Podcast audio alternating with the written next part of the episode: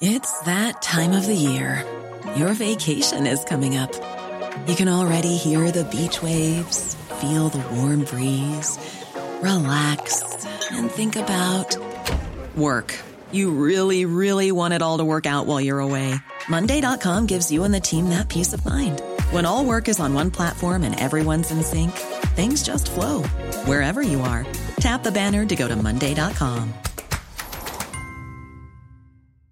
I'm Sandra, and I'm just the professional your small business was looking for. But you didn't hire me because you didn't use LinkedIn jobs. LinkedIn has professionals you can't find anywhere else, including those who aren't actively looking for a new job but might be open to the perfect role, like me.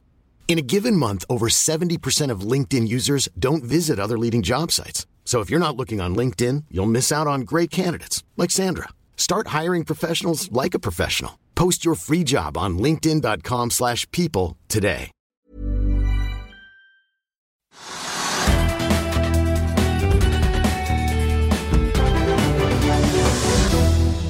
Velkommen til Økonominyhetene på gudskjelovdagen fredag 19. november. I dag skal vi både se på en verdensnyhet av et skip, og vi får besøk i studio av eh, Tina Saltvedt og Magnus Ankarstrand i Yara.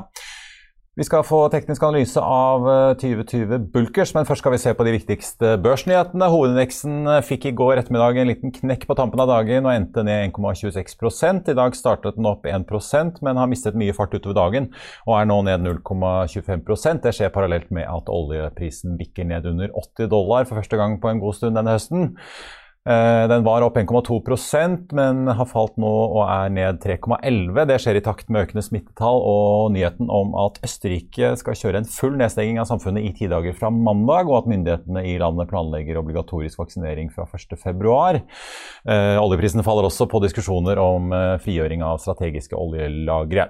Rundt oss i Europa er de fleste børsene i rødt i dag, unntatt København, mens eh, futuresene på Wall Street peker mot en litt eh, blandet start etter en dag med nye rekorder i går. Se på de ulike selskapene på Oslo Børs, så er det nå flere oljeaksjer som Equinor og Aker BP ned mellom 1 og 2 Eh, Ellers så stiger Kvantafuel med 13 til 30 kroner og 50 øre etter å ha kommet til en eh, avtale med to ikke-navngitte partnere om å etablere, to, eh, etablere et plastic to liquid-anlegg. Gjenvinningsselskapet sier at den endelige intensjonsavtalen forventes å bli signert i løpet av neste uke. En annen aksje som nå er i vinden, er MPC Container Ships. De fikk seg en liten knekk etter torsdagens kvartalsrapport. Men flere i toppledelsen har benyttet sjansen til å øke eksponeringen sin i selskapet. Og fredag er aksjen tilbake igjen på vinnersporet og stiger 10,3% til 21,25. Ellers så tar vi med at Telenor annonserte fredag morgen at de var i samtaler eh, om en mulig fusjon av det CP Group-kontrollerte mobilselskapet TrueMove i Thailand sammen med Telenor stat Dtac. Det skjer etter at Telenor og Axiata tidligere ble enige om en fusjon av mobilvirksomhetene deres i Malaysia. Telenor stiger 2,15 kroner eller 1,6% etter nyheten, men analytiker Petter Kongsli i Sparebank1 Markets mener at det er mer å gå på. Han sier til FA at aksjen burde kunne stige opp mot uh, minst åtte kroner hvis dette blir noe av. Konsernsjef i Telenor Sigve Brekke sa jo til oss tidligere i høst at uh, Telenor jobber med flere konsolideringer i Asia uten å uh, ville være noe mer konkret enn det. For øvrig tar vi med at mobilselskapet Ice fortsetter ned 0,4 i dag etter det brutale fallet på 62,55 i går, da selskapet kom med en ny finansieringsplan. Fra børsen skal vi nå litt lenger bort i gaten nede i Oslo sentrum og utover kaien til eh, Salt her i Oslo. For tidligere i dag hadde Yara og partnerne invitert eh, både statsminister Jonas Gahr Støre og hav- og fiskeriminister Bjørnar Skjæran til å ta imot og få en omvisning på det splitter nye skipet Yara Birkeland. Dette blir verdens første batteridrevne og selvkjørende containerskip eh, og skal etter planen i drift allerede nå i, på nyåret. Med to års testing så planlegger man også da kanskje fra 2024 å ha dette skipet kjørende på egen hånd autonomt fra Herøya til Brevik. Og med 7000 kWt batteri om bord, eller det som tilsvarer rundt 100 elbiler, så skal det altså kunne erstatte 40 000 lastebiler årlig som trafikkerer veiene i Grenland. Bare ta en titt her. Nå skal dette skipet seile til Brevik for å teste ut den autonome teknologien. Kajakkpadlere får passe på. Eh, for det blir spennende å se når det skal begynne å fungere. Men her er det gode sjøfolk som gjør denne veien. En kort seilas for Yara Birkeland, men det er en, eh, en eh, stor seilas for menneskeheten, tror jeg vi kan si, egentlig. La oss bruke så, så store år. Vi som ikke har vært på månen, vi kan si at dette har noe med det å gjøre. Så hjertelig gratulerer, og vi ser fram til å spille på lag med dere i tiden som kommer. Konsernsjef Svein Tore Holsæter i Yara. Ja, nå står vi her. Eh, da dere lanserte dette prosjektet for noen år siden, så håpet dere jo på at det skulle være i drift i 2019. Eh, men dette er jo banebrytende ny teknologi. Fortell litt om prosessen underveis her, og hvordan det har gått. Ja, det, er, jo sånn det er med nye prosjekter. Altså, det, det, her er eh, så mye ny teknologi, og det er verdensledende teknologi som skal settes sammen til en løsning. Og det er klart at det har vært komplisert, det har vært vanskelig, men, men sammen med gode gode samarbeidspartnere, så har vi fått det til. Nå ligger, ligger skipet her, og eh, da, jo, da, føles det kanskje enda bedre når vi da har kommet i, i mål med det. Eh, fortell litt, eh, for de som på, står på utsiden og ser på dette her og tenker hvorfor tar et gjødselkonsern og setter i gang noe sånt prosjekt som det her? Ja, det, det, er jo et godt spørsmål. Eh, men eh, Yara har redusert eh, utslippene med 45% siden 2005 allerede. Og vi har planer om 30% til til 2030. Så hvis Yara var en nasjon, så hadde vi vært i, i, i, godt i rute i forhold til Parisavtalen. Men vi må gjøre mer enn det. Og det handler om å se på alle deler av produksjonen. Og da var det en av våre ansatte ved Porsgrunn-fabrikken som kom opp med en idé av hvorfor ikke flytte fra vei til sjø. Fra fossilt til fornybart. Og, det var sånn det, kom. En litt sprø idé, men uh, nå er skipet bak oss her. Nå står vi her. Vi har jo hørt om det grønne ammoniakkprosjektet som dere jobber med. Men hvis vi ser på sånn, sjøfarten, dere er jo en stor aktør. Frakter jo masse gjødsel rundt i verden. store volumer hvert eneste år. Hva er det neste på skipsfronten etter Yara Birkeland fra Yara, da? Ja, det, og Det er jo superspennende det vi gjør nå inn mot skipsfart. og det, det, går på grønn hydrogen som vi produserer til grønn ammoniakk. Grønn ammoniakk kan brukes til to ting. Det ene er å produsere grønt gjødsel. Det andre er at det er det fossilfrie alternativet for skipsfart når man skal gå i lange distanser. Da kan man gjøre hydrogen mer eh, komprimert, så man får, eh, får det om bord i skip som skal lange avstander. Og det er det beste fossilfrie alternativet. Og Det jobber vi nå med i Porsgrunn for å gjøre det i stor skala. Nå har vi i hvert fall et eh, langt skritt videre for å få denne her i trafikk. Vi håper jo å jobbe fortsatt for å få ut første testlasta før jul. Ja, Det har vært en, eh, en reise eh, sammen med veldig mange partnere. Yara først og fremst, som hadde visjonen og som kom til Kongsberg og trengte teknologisk, en teknologisk partner. Jeg tenker jeg er utrolig stolt av det vi ser bak oss nå. Dette er da verdens første nullutslipp containerskip. Eh, og som etter hvert også skal seile autonomt, altså dvs. Si uten mannskap. Eh, det er det er et utrolig krevende prosjekt. for det, det er, Vi er avhengig av at veldig mange partnere jobber sammen. Både industri, eh, myndigheter eh, og andre organisasjoner. Og, og, det er vi gode på i Norge. Så liksom, dette bak her er beviset på at den norske modellen funker. Du sa det jo selv fra podiet her at, at Norge må øke eksporten. Eh, hvor viktig er dette prosjektet for at eh, dere kan utvikle Det blir vel et nytt segment da, med autonome skipsløsninger? Ja, jeg tenker at Norge må definitivt øke eksporten eh, ganske betydelig de neste tiårene. Eh, og jeg tenker at et, et slikt prosjekt, da særlig for nærskipsfarten først og fremst, er jo nettopp det verden trenger nå i det grønne skiftet. Det er å gå fra fossil eh, brensel eh, på eh, den maritime, eh, i, i, den maritime næringen til eh, nye nullskipsløsninger. Dette er jo et batteridrevet skip. Vi kommer til å se andre typer eh, energikilder om bord på skip. Enten det er hydrogen eller ammoniakk eller andre biofuel-løsninger.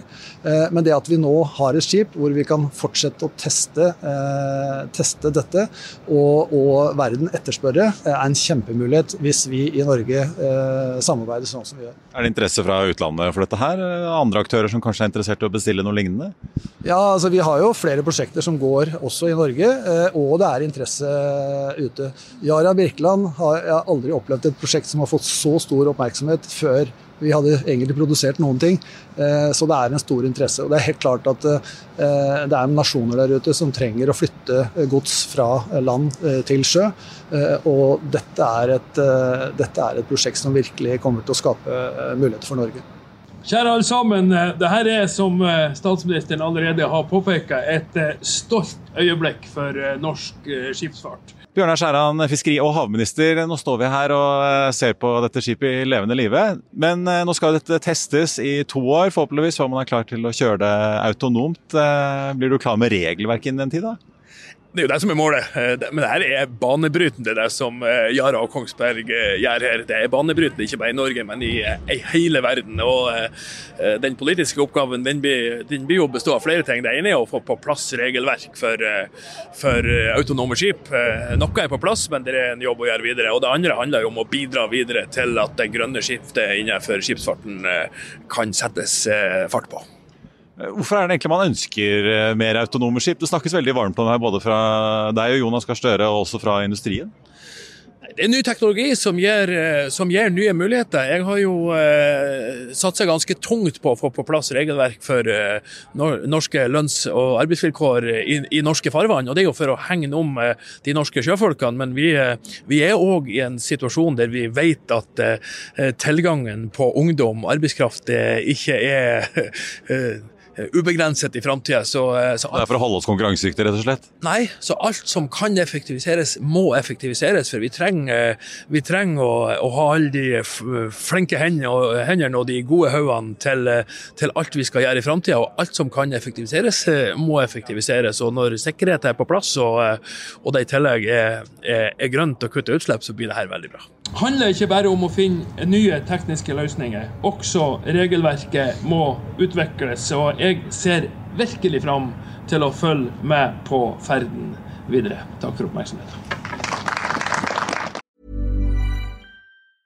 It's that time of the year. Your vacation is coming up. You can already hear the beach waves, feel the warm breeze, relax and think about work. You really, really want it all to work out while you're away. Monday.com gives you and the team that peace of mind. When all work is on one platform and everyone's in sync, things just flow wherever you are. Tap the banner to go to Monday.com.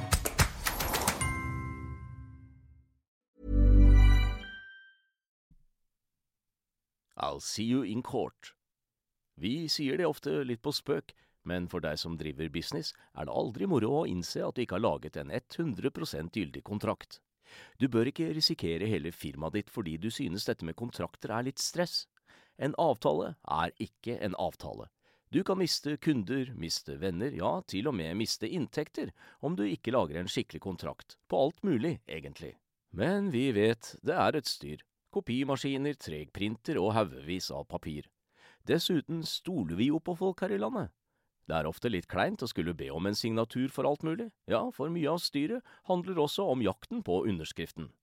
Det finnes en enkel måte å løse dette på, Dukkobit, en trygg, effektiv og get this, gratis måte å sikre seg en god natts søvn pluss en juridisk bindende avtale. Dukkobit-appen har de strengeste sikkerhetskrav i bunn, samt en EU-godkjent og sertifisert teknologi. Framover vil det bli behagelig å spørre du, skal vi skrive under på det, eller? Kom i gang på dokobit.no. Da skal vi over til dagens gjester. Den ene fra industrien og den andre fra finansnæringen, men som har det til felles at de følger nøye med på alle de grønne prosessene som både skjer politisk og i næringslivet for tiden. Og nå som klimatoppmøtet er slutt, hva er vel bedre enn å få besøk av noen som faktisk kan hjelpe oss med å ikke bare oppsummere det som har skjedd, men kanskje oppklare egentlig hva som nå skjer videre. Velkommen til oss, Tina Saltvedt, eh, sjefsanalytiker for bærekraftig finans i Nordea. Tusen takk. Og Magnus Ankarstrand, eh, direktør for eh, ja, på norsk kan vi si grønn ammoniakk i Yara? Ja, ren ammoniakk. Ja, ren ammoniakk. Vi får gratulere med nytt skip, da. Takk, takk. Er dere fornøyd? Vi er veldig fornøyd. Det er veldig, veldig, hyggelig å endelig få den på plass og kunne vise den frem. Ja, Men fortell litt, altså. For når vi var om bord i dag, så fikk vi jo liksom vite at her er det 100 elbilbatterier omtrent. 7000 kWh. Men det går jo ikke veldig langt etter skipet. Og hvis man skal gå noe lenger, da er det liksom ren grønn ammoniakk eh, som gjelder. Ja. Hvor, hvorfor da bygger dere dette batteriskipet, egentlig? Eh, du kan si at uh, vi tror i forhold til uh, skipsfarten uh, spesielt, så vil det være behov for både batterier, hydrogen og ammoniakk, litt avhengig av hvor langt det skal. Og, og, det er klart at Fordelen for med et batteridrevet skip er jo at um, når det gjelder altså, å fuele og sånne ting, så er det en enklere operasjon enn det det vil være f.eks. med ammoniakk. Men ulempen er at det er da begrensning i rekkevidde. Ja. ja. Fortell litt, altså, I din divisjon, da, dere holder på med dette store prosjektet på Herøya eh, for å gå vekk fra å bruke naturgass til å drive med elektrolyse. Eh, hva er status der nå, egentlig? Vi har jo sett at dere har lansert et samarbeidsselskap med Aker og, og Statkraft. Ja. Eh, nei, Status der er at vi er, vi er godt i gang med, med, å gjøre det vi, det vi kaller eh, forstudie eh, på prosjektet. Det er, det er, veldig viktig for oss å måte gjøre den jobben veldig grundig, slik at når vi kommer med kostnadsestimater og faktisk legger eh, planen for dette, at vi, at vi har det så presis eh, som overhodet mulig for å få et vellykket prosjekt. Men eh, vi har også et, et pilotprosjekt som Yara kjører, som, som, er mindre, men også på, på Herøya. Og vi håper at vi kan komme i gang eh, veldig snart med, å bygge det. Og, og, det vil være riktig i forhold til å både få læring på, på teknisk side, men ikke minst å på en måte få et produkt i markedet, sånn at vi kan begynne å jobbe med hele verdikjeden eh, ganske tidlig. Ja. Når er det, Nå var jo Enova inne og støttet dette prosjektet i Arabikland med 130 millioner. Eh, så har dere vært ganske åpne på at dere også kanskje trenger noe støtte på Herøya for å få det til å gå. Men eh, hvis du ser på etterspørselssiden, da, når er det dere tror at skipsredere faktisk vil komme og bestille rent ammoniakk i en eller annen form? Eller hydrogen f.eks.? Ja. Altså at liksom, betalingsvilligheten er der? Ja, du kan si, jeg tror... For det er jo dyrere i dag enn å kjøpe vanlig, ja, vanlig, vanlig bunkers. Det er det, og der, der, ser en, eh, der, ser vi en, massiv utvikling. og jeg tror, jeg tror det som er det store, store skillet, er når vareeierne eh, kommer inn og sier at de forventer å, å få et nullutslipp-drivstoff, og at transporten er ren. Eh, vareeierne, inkludert, eh, inkludert, Yara for den saks skyld. Eh, og, og det, klart, det, er to grunner til det. Det ene er jo at kundene deres ønsker det, og de selvfølgelig har stor makt i forhold til befrakterne. Men det andre er jo det at når du fordeler den ekstra kostnaden per iPad eller per par med joggesko hva det er som blir fraktet, så, så blir den kostnadsdifferansen mye, mye mindre. Ja. Så at ja, Apple eller Walmart eller ja, Yara ja. som sender kunstgjødsel rundt i verden, vil kreve at uh, her skal det faktisk fraktes uh, på ja, en måte. Og, og, og, der har jo flere, altså flere store selskaper, Ikea, Amazon bl.a., har jo vært ute og satt helt konkrete mål for reduksjon i utslipp uh, også på uh, si, shippingtjenestene uh, de kjøper. Og det er klart at det er kanskje det vi ser mest nå, at, at det kommer flere og flere aktører inn på, på, den siden og faktisk har den interessen. Ikke bare kan si skipseiere som selvfølgelig har en naturlig interesse og, og står overfor investeringsbeslutninger på hva slags skip de skal bygge, men at vi ser at flere og flere aktører kommer inn, og, og særlig nå etter Glasgow, eh, så ser vi på en måte at den interessen øker kraftig. Ja, Skal vi snakke litt om eh, klimatoppmøtet, dere? Dette har jo veldig mange fulgt med på. Mange norske eh, næringslivsaktører var jo der borte, inkludert sjefen din. Eh, men Tina, hvordan skal vi egentlig oppsummere dette? her? På meg virket det litt som det var klimatoppmøte hvor eh, egentlig alle kanskje var enige om at vi må bli grønne, men så var det litt sånn energikrisens realiteter traff også litt inn. Og så virket det som Kina og India var veldig bekymret for eh, energiforsyningen sin og passet på at man ikke skulle bli kvitt kull for fort. Ja, det er klart at eh, det er jo stort sett med sånne møter. Vi har jo veldig store forventninger, og så blir det kanskje ikke fullt så sånn som man håpet. Men likevel så skal vi huske på at her har vi gått noen steg fremover. Det har vi virkelig. Og, og det var vel øh, konkludert med også at vi har fremdeles 1,5-gradersmålet i sikte. Så vi er ikke helt off det.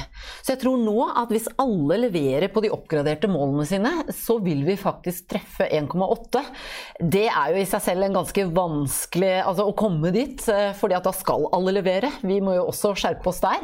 Eh, men det er altså ikke lagt til siden, og vi har fremdeles muligheter, og det tenker jeg er veldig bra. Ja. Og så er det jo en del andre ting som skjer. Altså, min sjef var også der. Våre sjefer er der. Det er jo første gang du ser så mange eh, bedriftsledere er til stede. Sånn der, eh, økonomisk, hva heter det, dette det forumet i Davos hvor alle disse toppsjefene drar hvert år? Ja. World Economic Forum.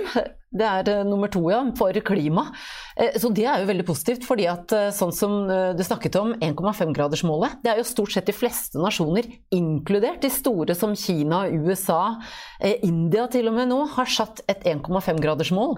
Så nå begynner vi å nærme oss at vi ser at dette går fremover med, med litt forsiktige skritt. Vi skulle gjerne satt opp tempoet litt mer, men, men allikevel, vi går i riktig retning. Og jeg syns professor Johan Røkstrøm fra, fra Stockholm Stockholm han oppsummerte ganske bra, for han sammenlignet med et badebasseng. Tidligere så svømte alle litt som forskjellige retninger rundt i bassenget. Denne gangen så svømte alle i samme retning, men til forskjellig tempo. Så det som er om å gjøre nå, det er å få opp farta, så alle svømmer i likt tempo. De siste der, ja. ja, ikke sant. Etternølerne. Så jeg tenker at eh, sånn sett så er vi i hvert fall på riktig vei, og, og med noen skritt fremover. Ja. Når man ser på liksom tidslinjer, da, 2050 det er jo noen tiår til. Da har vi jo fortsatt ganske god tid. og ja, Skal man eh, bytte ut flyflåter og bilflåter og alt som må byttes ut, så, så har man liksom tiden på det. 2030, det er, der begynner det å skorte litt. Eh, Magnus Dere Yara har jo snakket om det at eh, skal dere som konsern for eksempel, faktisk klare å kutte, så må dere liksom nesten ta investeringsbeslutninger på store prosjekter nå. Mm. Eh, sånn som her, ja. ja. Eh, men eh, hvor krevende er den skvisen da, når dere ennå kanskje ikke får betalt eller klarer å regne hjem da, ren ammoniakk versus den grå vanlige, samtidig som dere ser på en måte i kalenderen at skal vi rekke dette her til 2030, så må vi nesten begynne å bygge nå? Mm. Nei, du, du, kan si det, det, er på en måte krevende, men, men samtidig så, så, har vi en ganske bred portefølje eh, av anlegg. Og når vi da snakker ammoniakk eh, spesielt, så er vi til stede i egentlig hele eh, verdikjeden. Som, som, gjør at mange av de grepene, eh, mange av de delinvesteringene og måte, mange av de prioriteringene vi gjør nå, de, de kan vi gjøre som ganske sånn no regrets move. Men det er klart de store infrastrukturinvesteringene de, de, vil jo kreve eh, støtte og, og, drahjelp fra myndighetene for å kunne realisere. Men um, det å kunne få til den teknologiutviklingen og, ligge, og, og, og, på den måten få ned kostnaden bl.a. på elektrolyse, det vil jo kreve store uh, altså prosjekter i stor skala for å, for å kunne få si, nok erfaring og bringe de kostnadene ned. Og, og da må vi begynne nå. Men sånn som for dere, da. Kom det liksom noe noe reelt og liksom, faktisk ut av dette møtet, eller var det mer at eh, man oppdaterte planene og var litt mer samkjørte, som Tina var inne på, eller var det faktisk noen liksom, sånne milepæler som ble nådd mellom disse politikerne?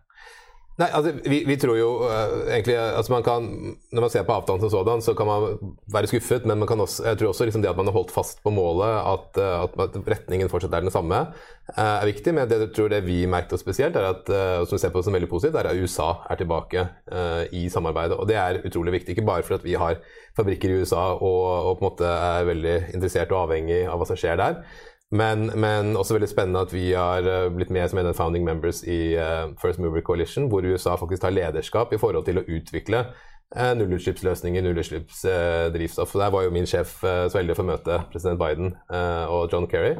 Og, det er klart at det betyr veldig mye når et land som USA går foran og sier at dette, dette, skal vi få til. Og det, og det ser vi jo bl.a. på blått hydrogen, blå, blå ammoniakk i USA, at, at de legger forholdene nå voldsomt til rette for å faktisk kunne realisere de store prosjektene uh, gjennom, gjennom, forskjellige støtter. Ja, At amerikansk næringsliv responderer uh, på det samme?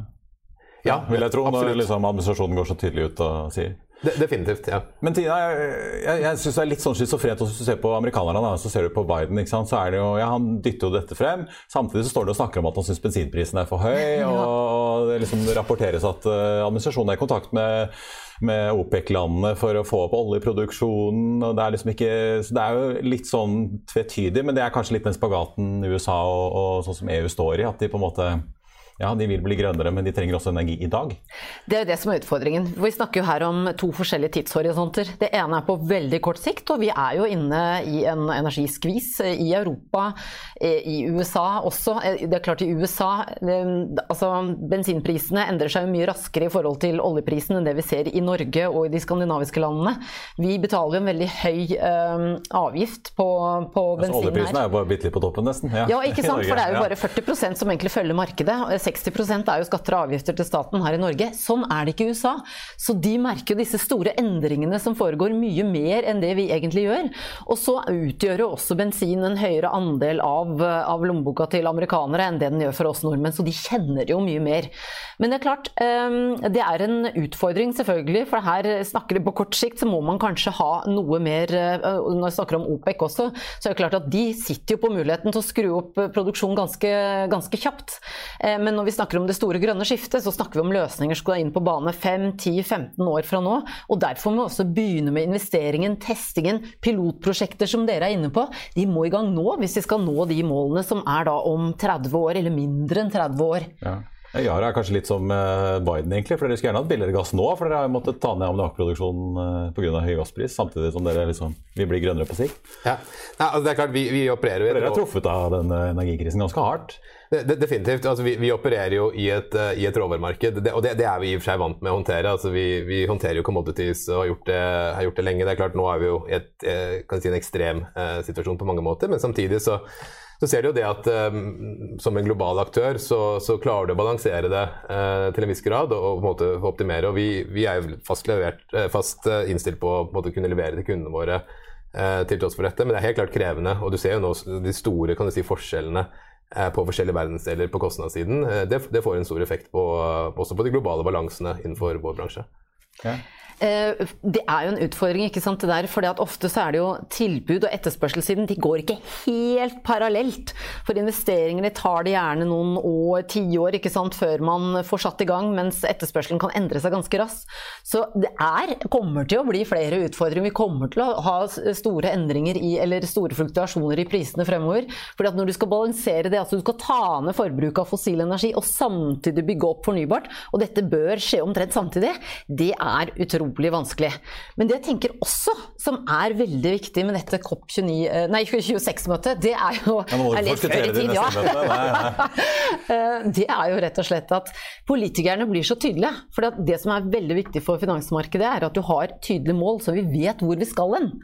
Eh, eh, fordi at altså, vi beveger oss ofte på litt sånn forventninger, ikke nødvendigvis hva som skjer i dag, eller ikke bare det som skjer i dag, men også hva vi forventer, hvordan markedet vil utvikle seg fremover.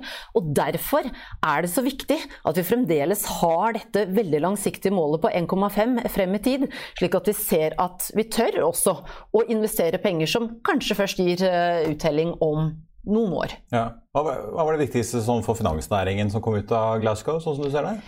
Ja, for det første nå... Var det mer den klare beskjeden om hvor vi skal, eller var det noe konkret liksom, enighet eller sånn? Ja, det er mange ting, egentlig. Altså, det som er en kjempeforskjell fra Paris, det er jo at finansnæringen er med. Ja. Først og fremst. Vi var jo ikke med i det hele tatt eh, under Paris. Men nå var jo vi inne på, på, agendaen i stort sett de aller fleste settingene her.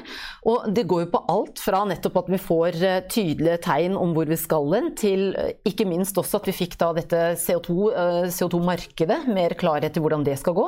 Finansiering, ikke minst altså at man skal bidra da, til å bygge opp en samlet pakke fra de mer industrialiserte landene, for da bidra til investeringer i um, utviklingsland, slik at, man får opp tempoet på det. Og det gjelder jo også da selvfølgelig å få, få bukt med disse store energiprisene og de investeringene, slik at man slipper å hoppe på kull eller uh, bygge opp noen løsninger som vi ikke kan ha for fremtiden. Og så var det da også selvfølgelig krav til mer rapportering, altså åpenhet. Ja, det tror jeg det blir mer av. Det, ja. det virker som det blir rikelig fyll for alle revisorer og folk som skal drive med sånt. Ja, og, ja, Men det er jo superviktig. For jeg gjetter at du vil vite hvor vi uh, plasserer pengene dine hen. Altså Man vil vite det. Er de prosjektene virkelig gode? Støtter de opp under Parisavtalen og bærekraftsmålene? Det vil man jo gjerne vite. Uh, og hvordan altså denne ja, I hvert fall Hvis taksonomien til EU skal fungere, så må man jo faktisk vite om det Om det funker, ja? Ja, Om det er en investering som bidrar eller ikke. ja. Ikke sant, Så det å få mer Så EU-taksonomi det er jo en god start, men det, dette her bør jo være globalt, sånn at vi får like spilleregler, og at man faktisk kan sammenligne sam, altså selskaper og, og, prosjekter over landegrensene og over ulike verdensdeler. Sånn at dette her med kravet med å være mer åpen, rapportere mer, det, det tror jeg er veldig viktig også fra, fra dette møtet. Eh, til slutt vil jeg gjerne spørre dere begge litt om eh, denne overgangen da, eh, fra det fossile til det grønne. Det vi nå ser, da, hvor det er masse etterspørsel, skvis i særlig da gass, som gjør at vi har begynt å bruke masse kull igjen rundt Europa. Bør vi være bekymret? Er det et sånt, for, sånt forvarsel på hva som skjer hvis vi ikke har god nok kontroll på denne omstillingen? Så er dere som industriaktør bekymret for at uh, ja, vi må bli grønne, men vi må ikke liksom underinvestere for mye i olje, og da særlig gass i deres tilfelle, for tidlig? Ja. Jeg tror det første langsiktighet og forutsigbarhet i hva som kommer og hvilke reguleringer som kommer, er, er, ekstremt viktig. Både i forhold til de investeringene som vi skal gjøre, men også i forhold til stabilitet i, i de markedene vi, eh, vi, opererer i. Men samtidig så, så, tror jeg også det at det er, det er viktig å huske på nå at, at um, viktig, altså den viktigste faktoren vi trenger, er mye mer energi. Altså vi trenger mye mer fornybar kraft hvis vi skal gjøre elektrolyse. Men vi kommer nok også til å trenge, eh, og særlig for vår uh, industri med, med hydrogen- og ammoniakkproduksjon, uh, blått hydrogen, altså CCS. Og det er tross alt en kan du si, ja, Fra naturgass, med, naturgass med og, og, ja. ja, og at, som da en, en, ressurs som er der, ikke sant? og en teknologi som er eh, som ligger ganske nærme frem i tid. og Det tror vi blir veldig viktig også. så Vi, vi har jo også flere blå eh, prosjekter. Eh, selv om på Herøy er et grønt prosjekt fordi forholdene ligger til rette for det. Men det, det tror vi blir veldig viktig. At, eh, at, man også på en måte bruker alle de mulighetene som kan skaleres fort. og Da tror vi f.eks. også blått og CCS blir en, blir en viktig brikke i det.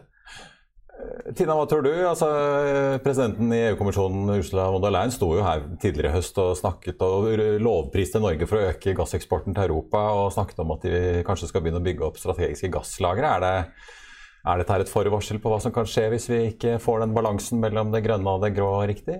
Ja, jeg tror det. De høye eh, energiprisene vi har vært inne på nå, det er klart at det er en forvarsel på at vi må altså, bygge ut fornybar i samme tempo som man tar ned eh, det andre. For det er jo ingen tvil om at det øker behovet for energi. Det ser ikke ut til å bli veldig mye mindre. Det kan på sikt eh, bli mer effektivt, hele systemet. Og så er det jo ikke bare energiproduksjon i seg selv, men at nettverkene blir mer fleksible. At man virkelig får transport transportert rundt, eh, og at man har den infrastrukturen som du var inne på. Mm. Så hjelper det ikke å bygge ut masse ammoniakk hvis man ikke får de ut til markedet der man har behov for det. Så det er jo kjempeviktig samtidig. Må kabler ned til her òg, ikke bare ammoniakkanlegg på her, ja. Ikke sant. Så vi vil gjerne få bruk for den ammoniakken i fremtiden. Så alle disse tingene er viktige, og det krever jo store investeringer. Og derfor er det også så viktig at landene nå blir enige eh, og enes om hvor vi skal hen, så at vi faktisk tør å gjøre denne type investeringer på sikt. Og Sånn sett så tror jeg også altså det er jo ikke, Nå har vi hatt to uker, og de er veldig viktige. Men jeg tror vi også skal se på hva som skjedde i forkant, og hva som skjer nå i etterkant. I forkant da spesielt med, med dette med USA og Kina. Fordi vi skulle til dette møtet, så vet de at eh, de to må kunne samarbeide for å få dette til. Det ser ut til at de faktisk kan det når det gjelder klima, og det er kjempebra. Det er utrolig viktig. Og så kommer jo de neste ukene, så skal det jo forhandles mye i USA om budsjettet der og, Build Back Better-programmet Better deres. For det vil også være avgjørende for hvilke ja, litt satsingen tror jeg også fremover, hva USA vil etterspørre, etterspørre, av løsninger. Og det vil jo sikkert være interessant for dere også. Ja, så ser vi jo Joe Biden. Samtidig som han klager på bensinprisen, så har han vært og prøvekjørt elektrisk Hummer, så ting er eh, på gang. Eh, Magnus Sankarsland i Yara og Tina Saltvedt i Nordea, takk skal dere ha, og god helg. Fra klimatoppen til omstilling og ny teknologi så skal vi over til noe ganske annet. For vi skal en tur ut. Nå som helgen er like rundt hjørnet, så er det også tid for Finansavisen Motor. Rett utenfor studio her på Smestad så møtte vi kollega Håkon Sæbø, som både hadde noe å vise frem og noe å fortelle om det motorredaksjonen har på gang. Bare se her. Du Håkon, eh, mange velger eh, litt sånn A4-biler, ganske standard ting som ikke vekker for mye oppsikt. Eh, det her er vel kanskje den rake motsetningen. Hva i alle dager er dette? Stemmer. Jeep eh, Gladiator med fem seter og en helt eh, vill eh, prislapp. Dette er jo amerikansk, men for Europa så går den jo kanskje litt irriterende nok på diesel? Ja, men det passer egentlig bilen ganske godt. Det er jo iallfall en 3 liter og 264 hestekrefter. En skikkelig arbeidshest. Du, vi må, vi må, nesten se på fronten, for dette er jo en jeep. Nå har vi vist frem planer. La oss gå foran, da. For Håkon, den fronten her, den er det litt flere som kanskje kjenner igjen? Ja, den er jo veldig ikonisk. De har jo valgt det designet for å på en måte tiltrekke seg de som uh, likte det gamle, og de som kanskje liker det nye. Det har vært en sånn stor sånn Ser nesten ut som en slags sånn uh, sofa. Ja, men du, uh, mange kjenner jo den klassiske jeepen. Mange av de har jo stofftak. Men du kan følge meg ta taket her også, Røsa? Ja, det kan du. Du kan ta taket. Og du kan jo laste masse bak. Og, men du må betale 1,3 millioner kroner, da. Er vi da. Ja. Og det blir ikke noe salgsvinner i Norge, tror du? Nei, 830 000 som varebil. Jeg tror det er bedre å satse på sånn. Da kan du liksom En her eller en Land Rover Defender eller ja, Det er liksom sånn high end varebil. Det kanskje funker litt bedre. Ja, for finansministeren vår kjører jo Volkswagen Amarok. Mange kjøper jo Er det Toyota Hilux eh, de heter? Litt sånn eh, ordentlig sånn eh, multibruksbil. Tror du denne her slår av, da? Hilux, eh, det er Isuzu D-Max eh, og den som heter Ford eh, Ranger. Det er de tre som selger mest. Jeg tror ikke den her kommer til å lure seg veldig godt inn på det markedet, men den, den ser jo iallfall morsom ut. da. Vi får se om finansministeren lar seg friste når han skal kjøpe ny bil neste gang. Men vi må snakke om en av de testene som kommer i FA Motor nå i morgen. For det er nemlig hva skal vi kalle den første elektriske Nei, kanskje ikke den aller første elektriske stasjonsvognen, men en stasjonsvogn mange nordmenn kanskje vil synes er litt artig. Mm. Ja, Porsche Taycan Cross Turismo Turbo mot Audi RS E-tron GT, som er det den heter. Eh, litt sånn kronglete navn til den Audien. Men uh, veldig spennende. Det er jo egentlig samme plattform, så man kan jo tenke oi, bilene er veldig like. Men de har noen ganske morsomme uh, forskjeller også. Så vi har liksom gravd litt i det og testet de bilene mot hverandre. Toppmodellene, nesten. Ja. Og Her eh, kommer det også mer, for vår kollega Andreas Kjell har vært i Los Angeles og sett på enda en ny variant Volkswagen Concern har hostet opp, eh, nemlig da Takan eh, Sport Turismo. Ja, stemmer det. Litt lavere og typisk Porsche å introdusere enda en modell, liksom putter det inn. Så denne her ligger da mellom 4S, som mange kjenner ganske godt, og Turboen, som er en god del dyrere. Og dette blir en sånn ganske sportslig greie. Kule felger, liksom spesielt interiør. Uh, ja, faktisk uh, overraskende kult. Litt sånn hissig farge. og Kan godt hende nordmenn liker det òg, altså. Ja, så får vi se om folk føler seg som en Audi-fan eller en Porsche-fan i lørdagens FA-motor. Ja, nå er det de rikes tur, skal vi tro, forsiden her på FA Motor, altså. Så det er bare å se frem til den i eh, morgen. Og da skal vi ta en titt på noen av de utviklingene som har vært på børsen uh, siden vi kom i gang. Vi, uh, nå melder NRC Group, altså til jernbaneteknologi, eller jernbaneentreprenørselskapet, NRC altså om at de har fått en kontrakt i Finland for sporarbeider der på en 4,9 millioner euro neste år. Det tilsvarer snaue 50 millioner kroner med dagens kurs. Ellers så ser vi at uh, Telenor nå er opp uh, 2,16, ja 2,13% etter nyheten om at de nå er i dialog med en partner i Thailand om en potensiell fusjon med Telenors uh, selskap Dtac. Dermed har aksjen fått litt fart utover dagen. Ice Group er ned nå 3,6% og har dermed falt en god del. I går var jo aksjen altså ned over 60% etter at selskapet la frem sin nye finansieringsplan og strategi. Ellers så tar vi med at oljeprisen nå er ned fortsatt 3% til 78 dollar og 50 cent. Hvis dette blir sluttprisen i dag, så er det første gangen siden 1. oktober at oljeprisen ender under 80 dollar fatet. Eh, ser vi på listen over de mest omsatte aksjene, så er Equinor og Aker BP på topp der, med en nedgang på 3% for Equinor og 2% for Aker BP. MPC Container er faktisk tredje mest omsatt i dag, med en oppgang på 12,7 tar også med at eh, REC Silicon er opp 0,8% til etter en kraftig oppgang på over 20 i går, da det ble klart at eh, Aker selger en del av aksjene sine til sørkoreanske Hanwa Group, som driver innenfor eh, solpanelbransjen. I Finansavisen i morgen på lørdag kan du lese Trygve Hegnars leder. Du kan lese børsintervju med DNB-analytiker Ole Andreas Krohn. Og det blir også en sak med Proptech-gründerne i Modulize som du kan lære mer om. Og det blir selvfølgelig masse annet helgestoff. Både bil og vin, mote og mye annet.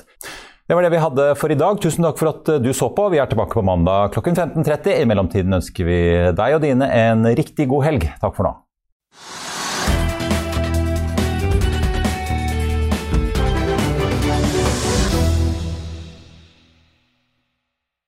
Økonominyhetene er en podkast fra Finansavisen. Programledere er Marius Lorentzen, Stein Ove Haugen og Benedikte Storm Bamvik. Produsenter er Lars Brenden Skram og Bashar Johar. Og ansvarlig redaktør er Trygve Hegnar.